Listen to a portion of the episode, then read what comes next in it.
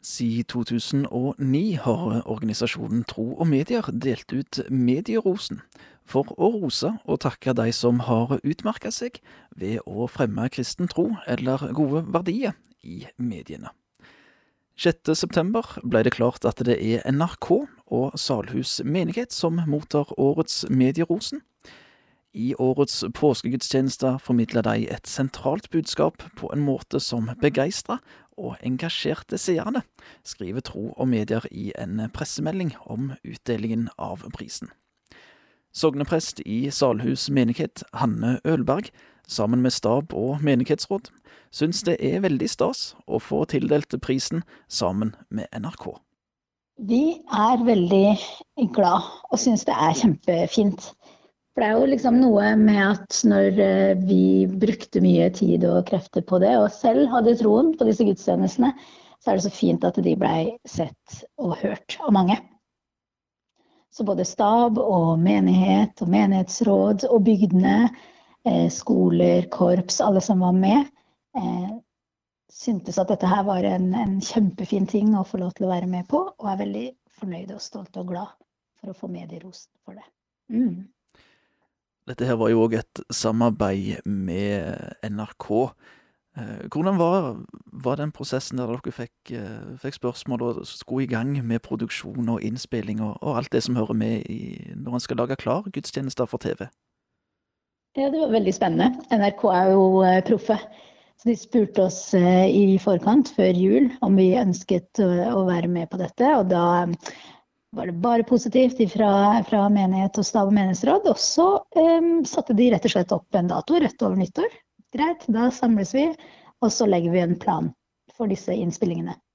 Som blir rett før påske. Og da fikk vi tidsfrist på oss, og hva som skulle være klart til når. Og, og de fulgte oss tett og godt uh, gjennom hele prosessen. Og så har de hele tiden vært kjempe tydelige på at de ønsker bare å vise frem våre gudstjenester på en best mulig måte. Så de heia på lokale krefter og på det vi ønsket å ha med, og var veldig positive til det. Når en uh, trekker noe fram i uh, media, og kanskje spesielt på, på TV, uh, av plasser og, og, Så kan det ofte føre til at det blir en økning i besøksmassen til, til den plassen, eller det, det som har blitt trukket fram. Har dere merka noe til det nå etter påskegudstjenestene? Har det kommet eh, flere nye til, til menigheten? Eh, det har kanskje kommet noen flere, ja. I hvert fall i sommer så var det noen som var nede og ville se på, på eh, kirken som hadde vært på TV. Og jeg har jo snakka en del med brudepar i sommer som syns det er litt stas å få lov til å vies i den TV-kirken, som de kaller det. Nå har dere vært eh, med på, på dette en gang. Eh, dersom spørsmålet skulle komme igjen, eller eh, har dere da tenkt å kaste dere rundt og, og bli med på en, en ny runde med, med TV-gudstjeneste? Hvis spørsmålet kommer igjen, så er vi klare for det. Det er fint å få lov til å være med og spre evangeliet og få løfte Jesus frem på denne måten på Rikskanalen. Mm. Det sa Hanne Ølberg sogneprest i Salhus menighet. Det er organisasjonen Tro og Medier som deler ut Medierosen, noe de har gjort hvert år siden 2009. Daglig leder i Tro og Medier, Jarle Haugland, forteller at det er ros og det å sette pris på som er bakgrunnen for Medierosen. Bakgrunnen er nok primært rett og slett å rose det som er verdt å rose, og takke for det som er verdt å takke for. For man, man, kan sette seg fast i å fokusere på alt som er negativt og destruktivt, men det, jeg tror ikke det i lengden former og preger samfunnet. Jeg tror vi, jeg tror vi trenger å, å legge vekt på det som er som er positivt, som er verdt å elske og akte og ære, liksom, som, som står i Filippane 4,8, fritt oversatt. Eh, så, så jeg tenker det, det, det, er en pris for å løfte frem det som er godt, og sette spotlighten på det. Og mottaker av prisen, den er jo ikke sånn sett tro og medier sjøl som bestemmer.